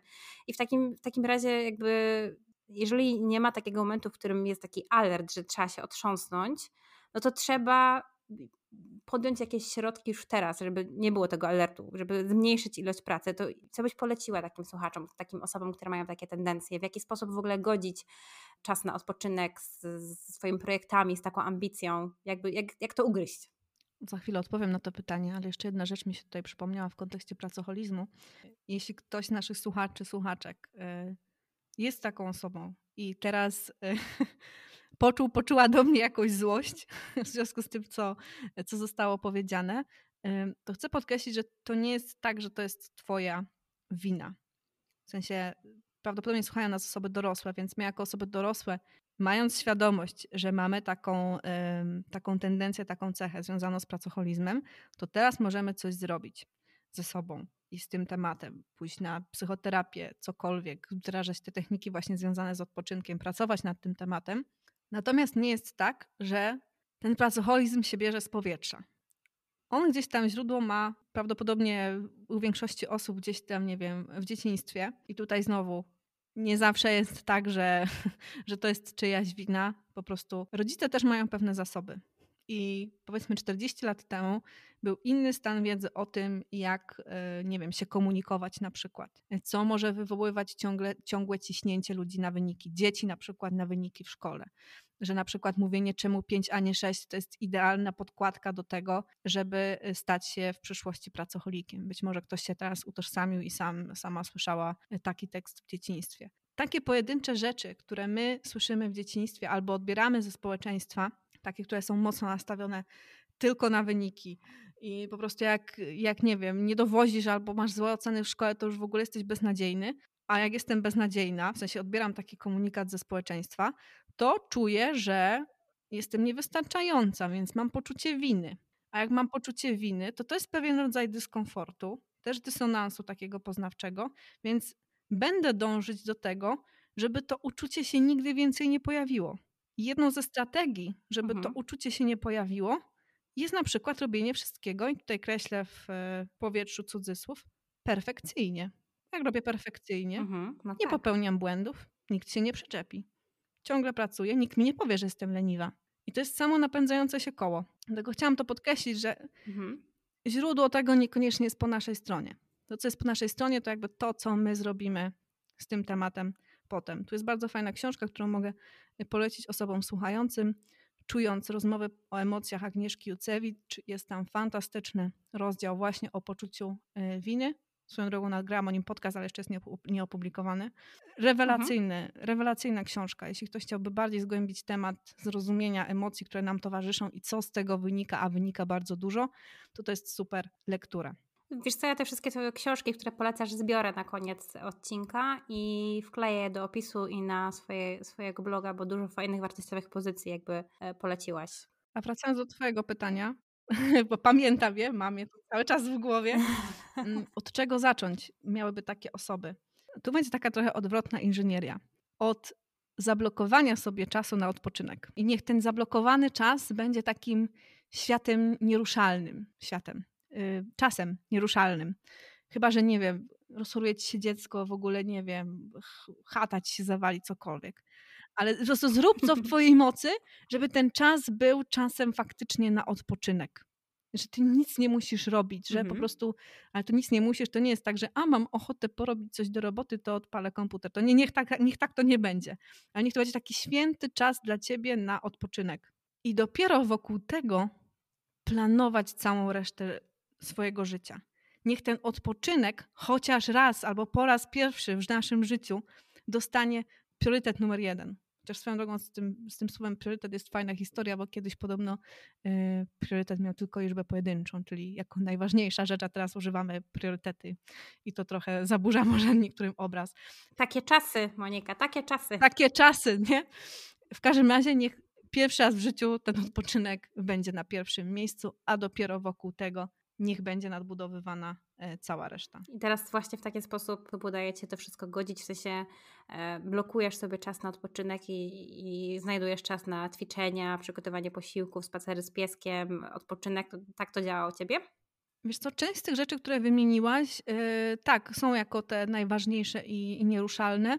Natomiast po tych iluś tam latach od tego skraju pracoholizmu, już doszłam do takiego momentu, gdzie ja nie traktuję tego y, odpoczynku gdzieś tam na szarym końcu, tylko on jest ważnym, bardzo ważnym elementem y, gdzieś tam mojego życia, bo jak już wyjdziemy z tego stanu, to potem bardzo dobrze widzimy, jak ten odpoczynek super działa na to, jak nam się działa na co dzień. W sensie to jest taki motor napędowy. Robisz rzeczy szybciej, jesteś bardziej skupiona, jesteś w stanie w ogóle wejść w stan skupienia, jakiś, nie wiem, deep work, tak jak rozmawiałyśmy jeszcze przed nagraniem, nie? Mhm. Jak jesteś zmęczona, to wejść w stan bardzo głębokiego skupienia jest mega trudno. Tak. A jak nie jesteś skupiona, to wszystko zajmuje ci dużo dłużej i to jest po prostu, wiesz, no kot goni myszka, nie? No, jak, nie, jak jestem niewyspana, to mam zamiast deep work mam y, deep sleep y, bardziej, a nie, nie jakaś tam produktywna E, produktywna praca. Zresztą dużo osób też pomija sen, żeby robić więcej. To jest najgłupszym pomysłem. Przepraszam, jeśli kogoś obrażam, ale sen, już pomijając, że zaburza waszą produktywność, to działa fatalnie na gospodarkę hormonalną, na ryzyko cukrzycy. Po prostu to jest najgorszy pomysł, i jaki możecie zafundować swojemu organizmowi. Jakby sen powinien być na szczycie waszych priorytetów. Nie wiem, czy zaniedbywałaś kiedyś sen i czy cię właśnie obraziłam. A jak myślisz? Myślę, że nie tak. obraziłaś mnie absolutnie, bo masz, masz po prostu rację, nie? Oczywiście, jeśli ktoś jest w takiej sytuacji, że go dziecko budzi w nocy, no to jakby to są inne przypadki, nie? Warto wziąć to pod uwagę. Będę podkreślać, że też takie przypadki brzegowe, bo pewnie różne osoby nas słuchają, warto ciągle mieć w głowie, to, w głowie to, jaką masz sytuację i tak naprawdę co ty jesteś realnie w stanie zrobić, nie? Ale y, tak, te czasy, kiedy miałam dwa kierunki studiów, ten sposób działania, który ja przyjęłam, on nie był do pogodzenia w sensowny sposób bez uszczerbku na przykład na śnie. Mhm. Albo na, nie wiem, ja w ogóle nie chodziłam na imprezę, abstrahując od tego, że nie lubię imprez, ale powiedzmy spotkania z ludźmi. To był gdzieś tam po prostu margines, a to też się generalnie gdzieś tam przydaje, żeby się jakoś, nie wiem, oderwać, z kimś pogadać, zmienić jakoś kontekst w życiu, cokolwiek. Więc kosztem snu to też było. I to była absolutnie totalnie głupia rzecz, Chociaż nie potrafiłam tego zrobić w tamtym momencie, więc rozumiem siebie, z czego to wynikało. Ale była głupia rzecz, bo po naprawdę iluś miesiącach jest bardzo zaburzona, yy, zaburzony rytm dobowy. Samopoczucie jest w ogóle totalnie beznadziejnie, beznadziejne. Maleje skupienie w ciągu dnia. Jak studujesz dwa kierunki, to kurna sora, ale potrzebujesz tego skupienia, żeby być w stanie y, jakkolwiek wytrwać na zajęciach i potem dowieść jakieś projekty, y, sesje, cokolwiek, a podejrzewam, że moi, moi znajomi z pierwszego kierunku nadal to pamiętają, że byłam y, osobą znaną z tego, że potrafiłam zasnąć w pierwszym rzędzie. I nie mam się czym chwalić. Tak, naprawdę. Ja potrafiłam nawet na laboratoriach zasnąć i podejrzewam, że nic mi prowadzący nie mówili, bo mimo wszystko miałam jakieś sensowne oceny, ale no generalnie przypał. Ale mój organizm był w takim stanie, że wiesz, mi to nie robiło różnicy. To do takich skrajnych sytuacji my siebie potrafimy gdzieś tam doprowadzić, dlatego po prostu ja tak mocno cisnę ten temat i mówię, proszę, nie róbcie tak, nie róbcie sobie tego, bo to ma wpływ na dużo więcej rzeczy niż y, się wam wydaje.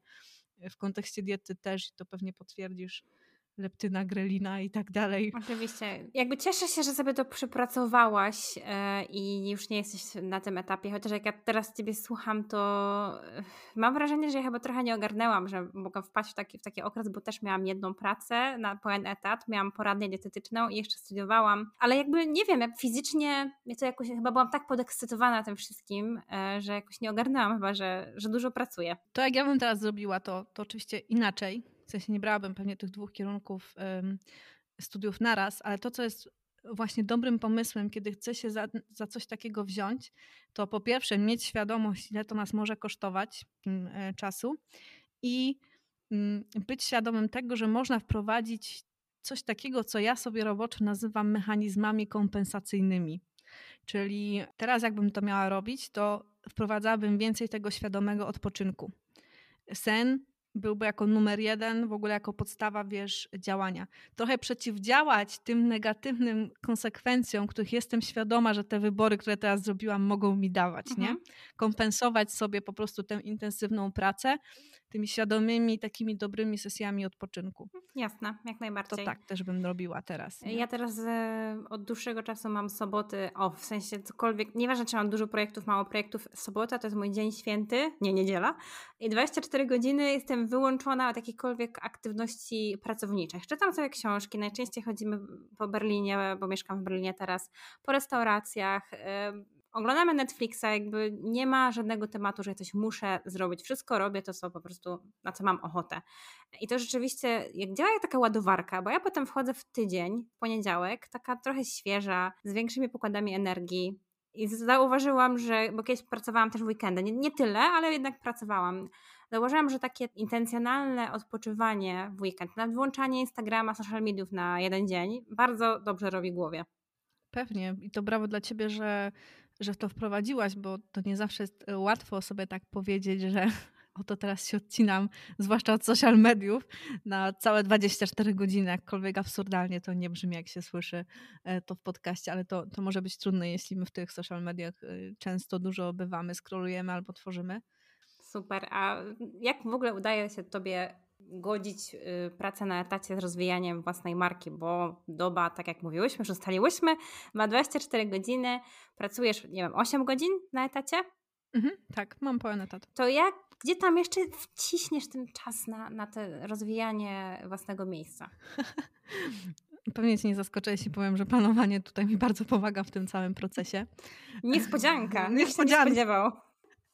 Zupełnie, biorąc pod uwagę, o czym dzisiaj gadamy. W ogóle Nikt, nikt by się nie spodziewał. Mm, jak ktoś sobie zacznie teraz liczyć, to oczywistym będzie to, co powiem, że jeśli mam 8 godzin etatu, no to wiadomo, że jeśli uznamy to, co robię po godzinach w internecie jako pracę, no to wychodzi mi więcej niż etat. To jest oczywiste, nie ma tu żadnej y, magii w tym. Przyjęłam to do wiadomości i taki tryb funkcjonowania na ten moment, y, na ten moment mam. W sensie nie, nie mam żadnych tu magicznych, magicznych sztuczek pod tym kątem. Nie? Ale co jest ważne w tym temacie, to to, że mm, dla mnie to, co robię na etacie, czyli programowanie, też w jakiś sposób zarządzanie ludźmi, opiekowanie się ich rozwojem, to jest coś innego niż to, co ja robię po etacie.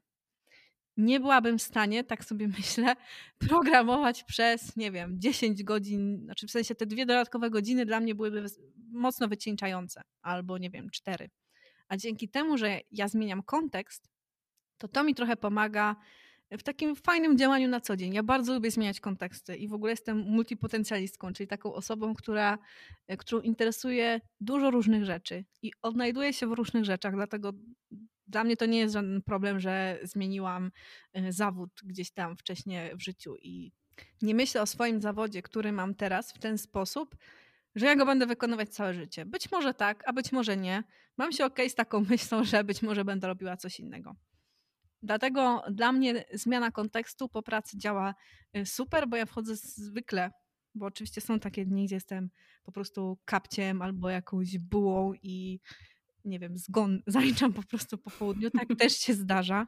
Y, I wtedy nie cisnę siebie, jakby ktoś miał jakąś wątpliwość jeszcze, y, tylko daję sobie prawo do tego, żeby odpocząć i właśnie odpuszczać, kiedy warto.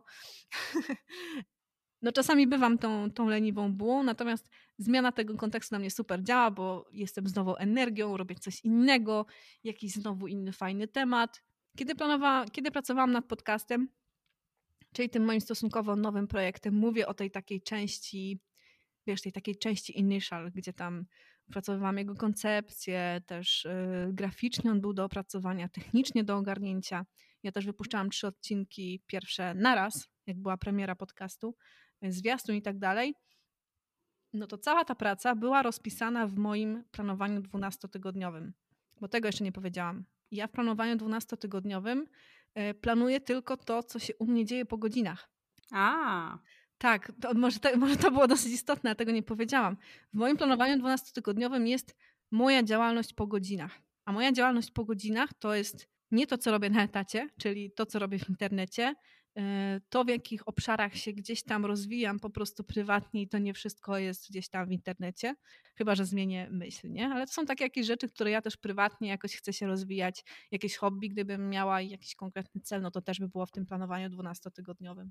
Więc u mnie, e, jak ruszał podcast, no to cały projekt pod tytułem podcast był rozpisany na te 12 y, tygodni, no i to było to, co robiłam gdzieś tam po godzinach, czasem w weekendy. To, co mi też bardzo pomaga na co dzień, to jest zrzucanie pomysłów z głowy. Wiem, że znasz ten efekt, ale powiemy naszym słuchaczom. Y, efekt zejgarnik. Efekt zejgarnik bardzo dobrze widać, kiedy kładziemy się spać albo idziemy pod prysznic. To wtedy nagle jak już mamy zasypiać, jest tak fajnie cichutko, nikt nie przeszkadza, e, to przypominają nam się, przypomina nam się sterta, sterta jakichś niedokończonych rzeczy. Nie wiem, że samochód e, do serwisu trzeba by wziąć, albo że już minął termin, albo że zapomnieliśmy do kogoś zadzwonić, czegoś załatwić. I to jest taki efekt, który był zauważony znowu no, w praktyce i potwierdzony później badaniami. Bluma Zeigarnik, siedząc w kawiarni ze swoim profesorem, e, zauważyła, że kelnerzy i kelnerki znacznie lepiej pamiętają zamówienia, e, te, które nie zostały jeszcze opłacone.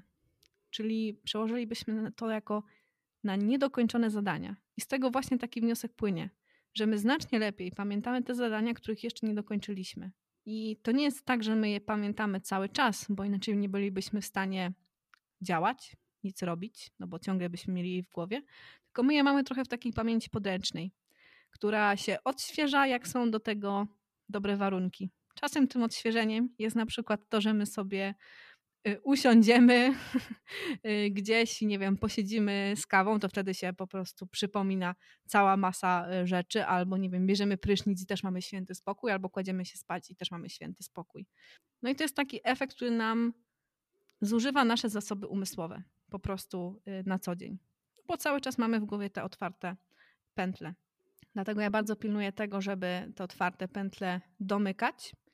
I w sumie to jest dobry moment, żeby powiedzieć, że żeby pomóc też Wam domykać te otwarte pętle, to przygotowałam taki mini e-book, który opisuje proces w kilku krokach, jak zidentyfikować te pętle, co potem z nimi zrobić i jak, jak je domknąć. I to się może wydawać, że to nie jest związane z planowaniem, ale to jest mega związane z planowaniem, bo jeśli my mamy nasze zasoby umysłowe w jakiś sposób zajęte, to my nie jesteśmy w stanie tak naprawdę wydajnie planować, a potem realizować tych rzeczy. W sensie zaplanujesz, ale będziesz mieć problem z realizacją, bo te rzeczy będą ci do głowy gdzieś tam wracać. Więc to jest też taki etap domykania otwartych pętli, który może bardzo pomóc w tym, żeby to planowanie przebiegło wydajnie i potem, żeby nam się lepiej działało i w sumie no lepiej gdzieś tam żyło, żyło na co dzień, bo nie będziemy sobie co chwilę przypominać, że o, ja no, o czymś tam jeszcze zapomniałam. No, moją otwartą pętlą są proteinowe cynamonki, które o 23 mi się przypominają, jak e, chcę e, zasnąć, ale myślę o tych przepisach, e, które chcę wypróbować.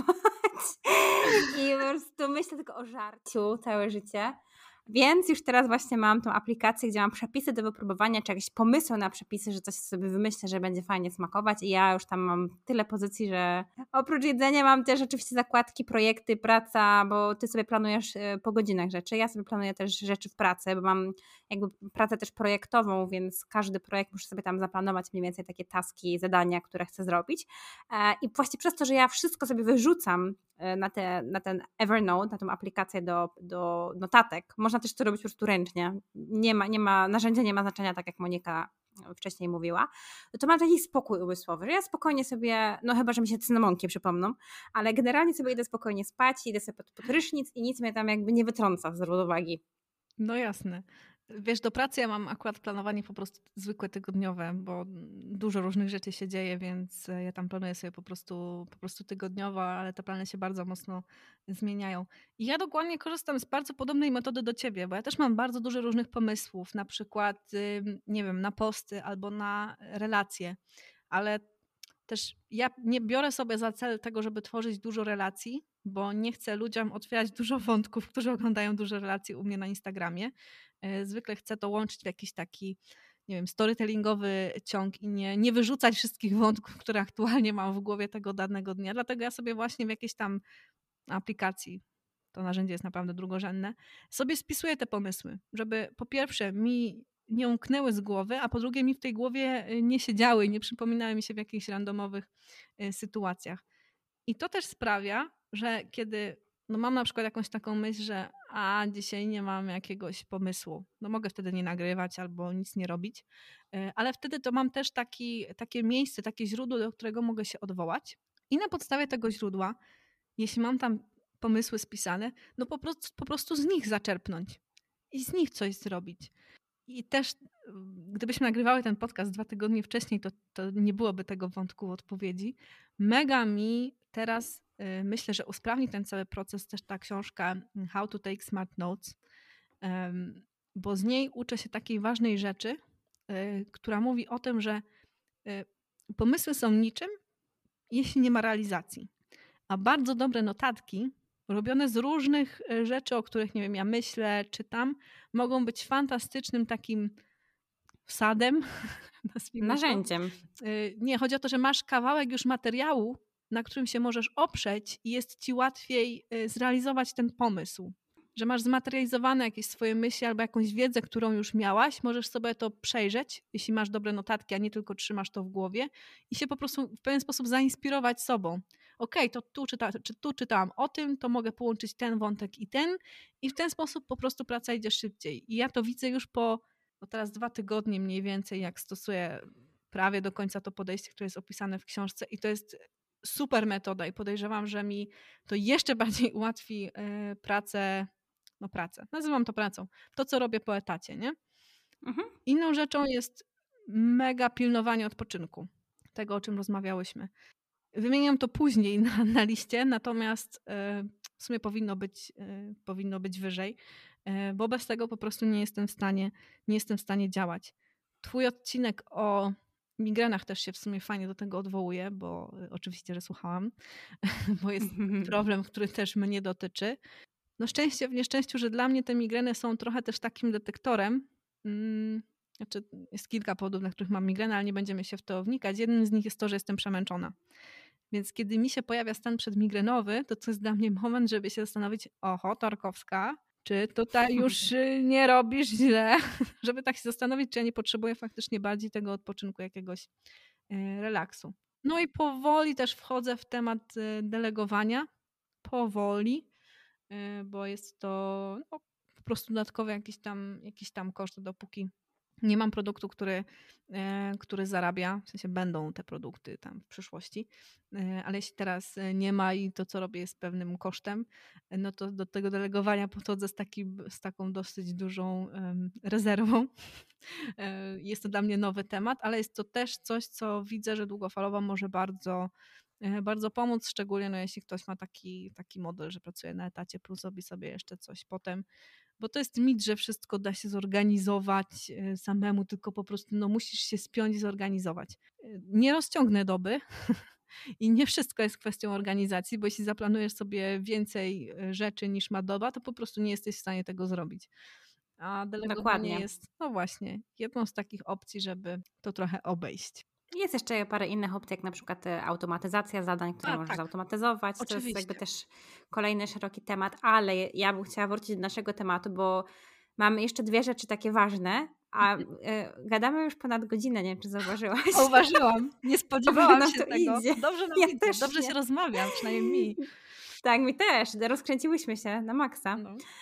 E, w takim razie bym chciała bardzo bo, się dowiedzieć, bo kiedyś napomknęłaś, jak rozmawiałyśmy, mm, że lubisz takie podejście robienia dwóch rzeczy naraz. Jakby to, co ja rozumiem, to na przykład, nie wiem, słuchanie jakiegoś interesującego podcastu, jednocześnie przygotowanie posiłków, albo zaliczasz swój spacer i bo musisz tam coś załatwić też w urzędzie. To mogłabyś trochę nam więcej powiedzieć o tej metodzie, jak to sobie zaplanować?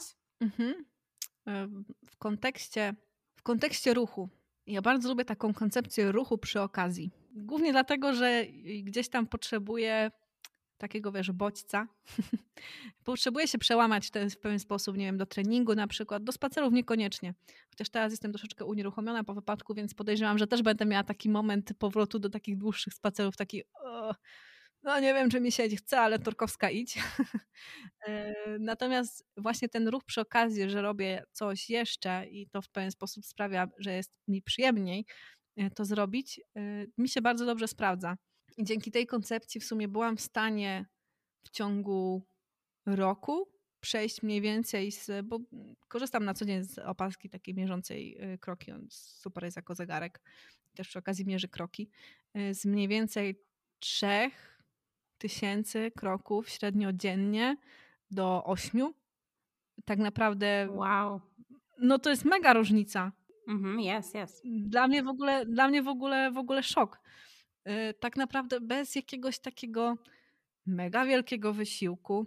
Parę rzeczy pozmieniałam, znalazłam na, jakieś, na siebie jakieś haki i jakoś specjalnie nie cierpiałam z tego powodu. I to było właśnie to między innymi, że jak gdzieś szłam albo musiałam coś załatwić, no to wybierałam częściej na przykład rower albo tam szłam pieszo. Jak miałam iść na spacer, a wtedy jeszcze niekoniecznie tak byłam. Nie wiem, czy lubiłam wtedy spacery. O, nie wiem, czy mi się wydawały takie atrakcyjne. Teraz mi się mega wydają atrakcyjne, ale to, to było kiedyś ten początek, nie? No to brałam ze sobą telefon i yy, słuchałam sobie jakiegoś fajnego podcastu. I w ten sposób mijała mi na przykład godzina. tak o, po prostu. I oczywiście też super jest tak bardziej mindfulnessowo coś ćwiczyć mindfulnessowo, nie wiem, chodzić na spacery i tak dalej, tylko skupiać się na byciu tu i teraz. Natomiast uważam, że to jest bardzo fajny sposób, jeśli ktoś ma problem z tym, żeby się, żeby zwiększyć ilość tego e, ruchu. Zwykle mam tak, rzadko kiedy siedzę na kanapie i słucham czegoś. Najczęściej właśnie albo sprzątam, e, albo gotuję w trakcie.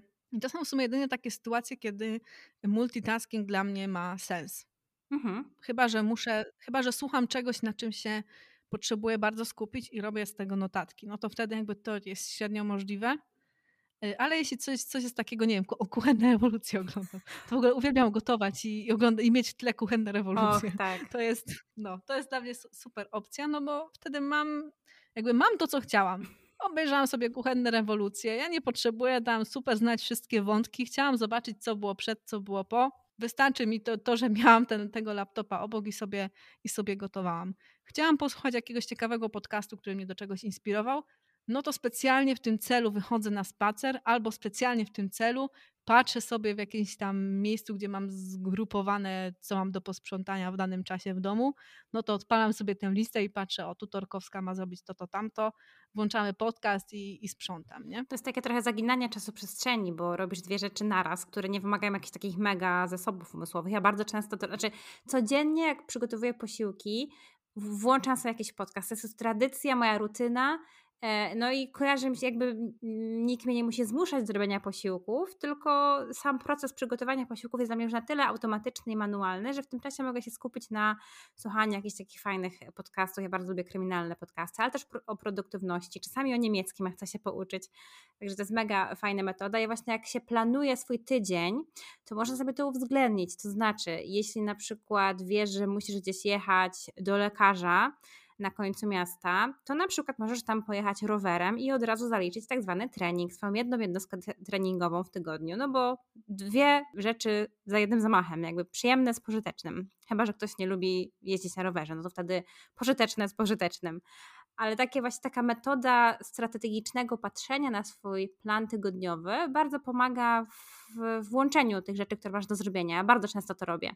Czyli właśnie jak muszę dbać paczkę, to też sobie zaliczam swój dzienny spacer. Ja akurat spaceruję raz do dwóch razy dziennie, mm, po 30 minut, czasami więcej, no bo wiadomo, że robię to w trakcie przerwy lunchowej, mm, więc tego czasu po prostu nie mam aż tyle i zamiast spaceru wybieram po prostu jakieś tam jednostki treningowe.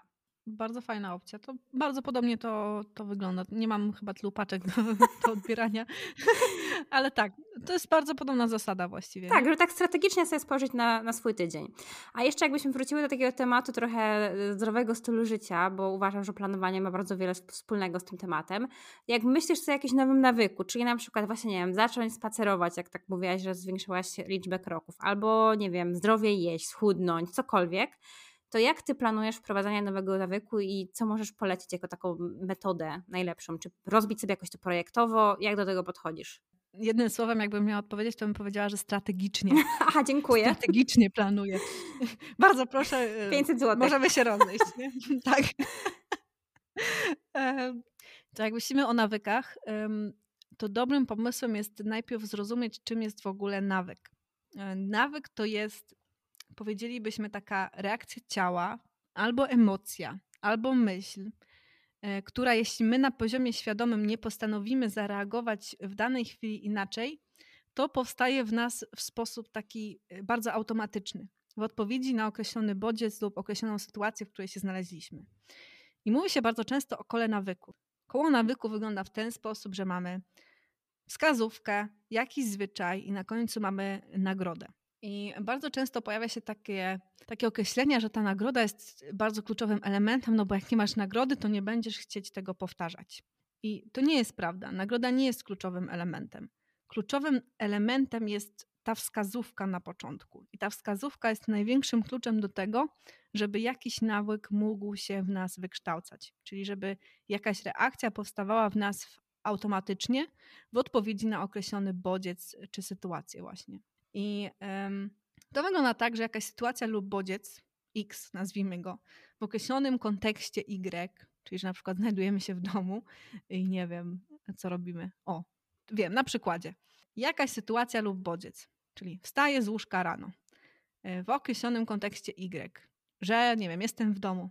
Aktywuje u mnie zachowanie Z, że idę bezpośrednio do łazienki, otwieram szufladę i sięgam po szczoteczkę, bo tam zawsze siedzi ta moja szczoteczka i to jest moim nawykiem, że ja myję rano zęby, sięgając szczoteczkę stamtąd. To jest przykład zwyczaju. Większość ludzi robi to w 100% automatycznie, mm, czyli jest to ich nawykiem, jeśli oczywiście za dzieciaka się tego, e, tego nauczyli.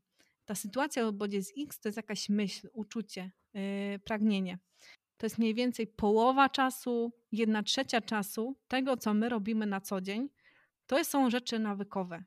I wiele sytuacji w naszym życiu się e, powtarza. Nie wiem, kończę pracę, e, zamykam laptopa, klapę opuszczam w dół. Tak? To jest nawyk. Ja nie myślę o tym, że to tak robię. Chyba, że ktoś ma nawyk, że zostawia otwarty. No to no to, to też jest jakiś nawyk, tylko nie wykonuje żadnej, e, żadnej akcji. Robię taki wstęp, bo to, jest, bo to jest dosyć istotne, jak chcemy pogadać o nawykach. Mhm. I też się mówi o tym, że e, obalmy, obalmy też jakiś mit. I też się mówi o tym, że potrzebujemy 28 dni na to, żeby wykształcił się w nas e, jakiś nawyk. To było w ogóle jakieś złe zrozumienie jakiegoś tam innego badania i e, aktualne badania pokazują, że nawyk się w nas wykształca od 18 do bodajże 254 dni. Średnio to było 66 dni u różnych, u różnych ludzi, jak tam wyciągnie, wyciągniemy średnią. Więc no, jest to dosyć szeroki y, zakres. To, co pozwala się nawykom najlepiej wykształcić, to osadzenie ich w, przy jakimś bodźcu, który jest dla nas powtarzalny, rutynowy. Więc jeśli ja myślę o tym, że chcę wprowadzić nawyk codziennego spaceru, to ja na przykład połączyłam sobie to, oczywiście pomijam obecną sytuację, gdzie jestem trochę unieruchomiona, ale w, w normalnej sytuacji połączyłam sobie to z tym, że kończę pracę, czyli w moim przypadku zamykam klapę laptopa, idę do kuchni, robię sobie rytualnie swoją ulubioną kawę do kubka e, termicznego, psu, psu zakładam tego elementy, które są potrzebne do spaceru i wychodzimy. I to jest taki u mnie ciąg. Tym, co aktywuje mi ten nawyk za każdym razem, to jest ta sama czynność, że ja zamykam klapę laptopa. A jak przychodziłam, a jak chodziłam do biura, no to to było ten moment, gdzie nie wiem, odkładałam rzeczy i się powiedzmy przebierałam już w strój, który był, służył mi do, e, do pójścia do lasu. Powiedzmy, nie? Więc mhm. każdy nowy nawyk warto jest dobudowywać sobie do jakiegoś czegoś, co nawet z pozoru nam się nie wydaje nawykiem. Po to, że zamykam klapę laptopa i kończę tak pracę, hmm, co to za nawyk? Myślisz o tym? No nie. Najczęściej to jest coś, co się dzieje u ciebie automatycznie. Więc warto właśnie do takich rzeczy, które się ciągle u ciebie powtarzają, drogi słuchaczu, droga słuchaczko, sobie doklejać. W ten sposób sobie ułatwiamy w pewien sposób życie i wchodzimy w to, w to koło nawyku, tak? Aktywujemy sobie w taki naturalny sposób tę wskazówkę. Jak jest sobota, to nie mam tego zamknięcia laptopa. Więc jeśli chcę w sobotę mieć spacery, no to musiałabym to też inaczej zrobić, albo po prostu już pojawi się po jakimś czasie we mnie naturalna potrzeba, że o, dzisiaj jeszcze nie byłam na spacerze, jest mi dziwnie. Mhm. To jest swoją drogą bardzo dobry taki objaw tego, że się pewien nawyk w nas wykształca że jest nam dziwnie, jak czegoś nie zrobimy. W większości osób jest dziwnie, jak nie umyje rano zębów, że tak coś, coś nie gra, tak, nie? coś jest nie tak. Albo jeśli regularnie ćwiczymy i danego dnia nie zrobimy treningu, to też jest tak dziwnie, jakoś tak no nie wiem, czegoś brakuje. Mam tydzień e, bez ćwiczeń, bo e, mam resztki przeziębienia. No mam zasadę, że jak jestem przeziębiona, to raczej nie ćwiczę. Też to jest takie lekkie przeziębienie.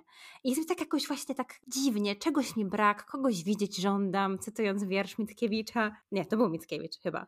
E, w każdym razie taka się czuję, wiesz, no zależała. I tak mam jak ty, że zamykam klapę laptopa i wtedy jest mój czas. Ja, ja o tym w ogóle nie myślę. To jest jak mycie zębów. Mam trening i ja ze sobą nie pozwalam sobie na przywilej dyskusji ze sobą, bo jeśli już ja sobie pozwalam na taki przywilej, że ja dyskutuję, że może ten trening to jednak jutro, no to ja go wiadomo, że nie zrobię. Ale jeśli ja zamykam y, tego laptopa, idę się przebrać i w ogóle nie ma żadnej dyskusji, y, momentu tutaj na monolog, no to ten trening zrobię. Tak samo z spacerem, to jest super. Masz swój jakiś taki ciąg. Nie powiedziałam, że to jest przyczynowo-skutkowe, ale jakiś taki ciąg sobie wytworzyłaś. I po prostu idziesz na ten spacer. Tak samo ja z przerwą lunchową. Wybija 13, 14, zależy, ja mam pracy.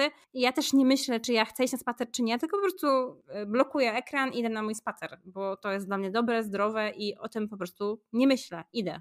Mhm. No i zwróć uwagę, jak masz ten nawyk, bo tak jak opowiadasz, to już brzmi jak nawyk, albo jak taki bardzo bliski etap czegoś, co moglibyśmy nazwać y, nawykiem, chociaż to nie jest tak, że jak nawyki przerwiemy, to że one na pewno zostaną, w sensie ten, ten ciąg, y, wskazówka, że, że w wyniku bodźca idzie za nami jakieś działanie, to warto podtrzymywać, nie? No bo jak przerwiemy na miesiąc, no to nie wiem, cofamy się raczej w tym, w tym nawyku, nie? Mhm. Dlatego teraz z tymi spacerami będę miała wyzwanie. Dasz radę. Ja ci powiem, co masz zrobić, Monika. Po prostu zamknij klapę laptopa, laptopa. idź po kawę i weź pieska i do widzenia.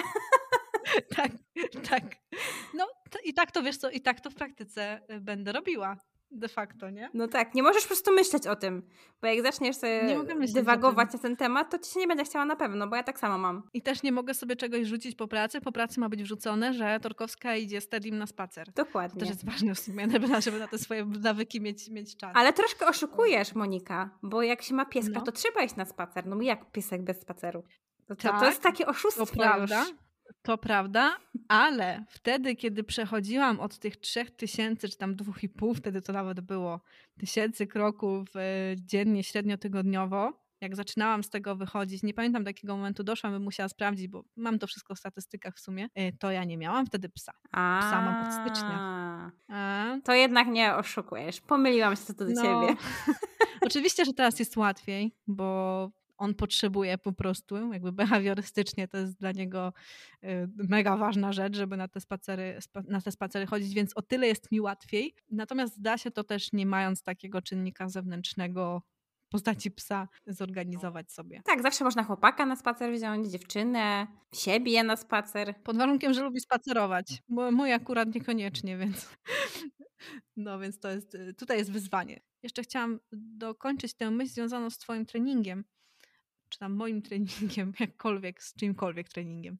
Jeśli mamy nawyk taki, że kończymy pracę i od razu mamy trening, no to jeśli już ta rzecz, że mamy trening, nam się tak e, staje się naszą jakąś codziennością, albo nie wiem, e, cotygodniością, nie wiem, robimy kilka razy w tygodniu.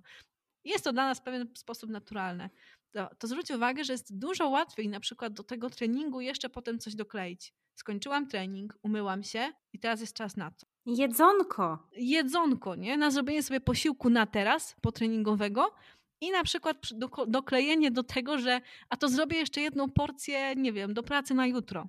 Dokleiłyśmy w ciągu nawyków? No dokleiłyśmy. Ułatwia życie? Ułatwia. No, ja nawet tak robię, więc nawet nie wiedziałam, że to ma jakieś swoje, że sobie dokleiłam nawyk przez tyle lat. Y, to się nazywają łańcuchy, łańcuchy nawyków i są bardzo, bardzo fajną opcją. Tak, zdecydowanie. Ja w ogóle nie lubię robić rzeczy, y, bo jak już jem posiłek, to już się wyłączam. Nienawidzę pracować na przykład po 20. Y, staram się tego nie mhm. robić. E, więc bardzo na przykład byłoby mi ciężko coś dokleić po godzinie 20, dlatego po prostu tego nie robię. Łatwiej mi jest zrobić wszystko, czyli trening, na przykład umyć się, e, wstawić sobie tam posiłek, w międzyczasie jeszcze czasami zrobić niemiecki, chociaż ja na przykład pracuję nad blogiem rano i nad podcastem zazwyczaj rano, lepiej mi się pracuje rano po tym, po tym treningu, ale przed kolacją mam jeszcze taki czas, że mogę sobie zrobić łańcuch nawyków. Dobry pomysł. Muszę pomyśleć, co tam jeszcze mogę sobie wcisnąć. Dobry pomysł. No dobrze, czy coś jeszcze byś chciała dopowiedzieć o tych nawyków? Nie, chyba nie. Więc myślę, że czas na małe podsumowanie. E, ja uważam, że odcinek w ogóle jest mega ciekawy i mam nadzieję, że też Wam się go dobrze słuchało. Dziękuję Ci bardzo, Monika, że przyjęłaś zaproszenie do, do tego odcinka podcastu. E, I może powiesz słuchaczom, gdzie można Cię znaleźć? Pewnie. Bardzo dziękuję za zaproszenie. Gdzie można mnie znaleźć? Oczywiście pod moim imieniem i nazwiskiem, czyli jako Monika Torkowska przez O. Zawsze podkreślam, bo zwykle wychodzi Tarkowska albo jakieś Wtorkowska, albo jeszcze jakieś inne. E, czyli jako Monika Torkowska można mnie znaleźć oczywiście na moim blogu, na monikatorkowska.com, e, na Instagramie, teraz też w różnych aplikacjach podcastowych można mnie znaleźć pod podcastem e, między wskazówkami. On też jest dostępny na blogu do, e, do posłuchania i do poczytania, jeśli ktoś nie korzysta z takich aplikacji. Tam też macie bodajże kilkadziesiąt artykułów tematycznych. Teraz rzadziej piszę na blogu, raczej się pojawia podcast po prostu. E, tworzę też newsletter dla moich odbiorczyń i odbiorców, mm, którego nie wysyłam w sumie zbyt często, bo wychodzę z założenia, że nie piszę po to, żeby pisać, tylko żeby to miało faktycznie dla ludzi wartość, więc jeśli ktoś nie korzysta z social mediów, to można mnie złapać po prostu na kontakt małpaunika.torkowska.com albo zapisać się do mojego newslettera. Gdzieś jest zakładka magiczna newsletter. A tak w social mediach to bywam zdecydowanie najczęściej właśnie na Instagramie. Tam też można się do mnie, do mnie odezwać albo po prostu sobie zaobserwować. Trochę rzadziej na Facebooku, ale, ale też się. Super, no to jeszcze raz bardzo Ci dziękuję za rozmowę. E, normalnie podsumowałabym to jakoś inteligentnie i mm, chwytliwie, ale wiecie, gadamy już półtorej godziny, także nie mam za bardzo pomysłu, jak to mogę zwięźle podsumować. Powiem tylko tyle, że myślę, że obaliłyśmy wszelkie mity na temat planowania, że planowanie wcale nie jest pracochłonne, że planowanie nie polega na tym, żeby robić więcej, tylko żeby robić mądrzej. Wiesz co, ja bym zamknęła to w takich pięciu punktach. Jakby ktoś chciał sobie wyciągnąć taką esencję albo taki, nie wiem, zbiór myśli, e, to ja bym powiedziała w kontekście planowania i tego wszystkiego, o czym dzisiaj mówiłyśmy. Wiedz, po co ci to jest, czyli do czego ci to ma e, służyć, jaki problem ci ma rozwiązać. Miej świadomość tego, ile masz czasu, a potem gdzie go możesz odzyskać, bo to może być bardzo zaskakujące. E, ten sposób, w jaki planujesz i narzędzie, z którego korzystasz, jest tak naprawdę drugorzędne, bo ważne jest, żeby testować, eksperymentować i dobierać te rzeczy tak naprawdę pod siebie pod własne potrzeby. Zwykle nie realizujemy naszych planów w 100% i to jest normalne, one się zmieniają. Warto być na to przygotowanym po prostu i nawet wykorzystać to, żeby zmodyfikować to, co będziemy robić później, żeby zmodyfikować nasz sposób działania. I jeszcze taka jedna rzecz, chyba truizm, oczywistość, że nie wszystko jest tak samo ważne, czyli priorytetyzacja rzeczy, które robimy, unikanie tej prekrastynacji, o której, o której mówiliśmy, może bardzo pomóc w kontekście tego, żeby planowanie przełożyć na działanie. I to jest piękne podsumowanie, którego już w moim mózgu zabrakło. Także bardzo Ci dziękuję za te zgrabne, za te zgrabne punkciki, które ja uwielbiam. No, to jeszcze raz dziękuję serdecznie Wam wszystkim za wysłuchanie tego odcinka. Dziękuję Ci Monika za obecność. No i do następnego. Bardzo dziękuję. Do usłyszenia. Dziękujemy, że byliście dzisiaj z nami. Monika przygotowała dla Was darmowy e-book do pobrania, który wraz z innymi przydatnymi materiałami znajdziecie na moim blogu agnieszkaciepłowska.pl. Jeśli podobał Ci się odcinek, koniecznie podaj go dalej.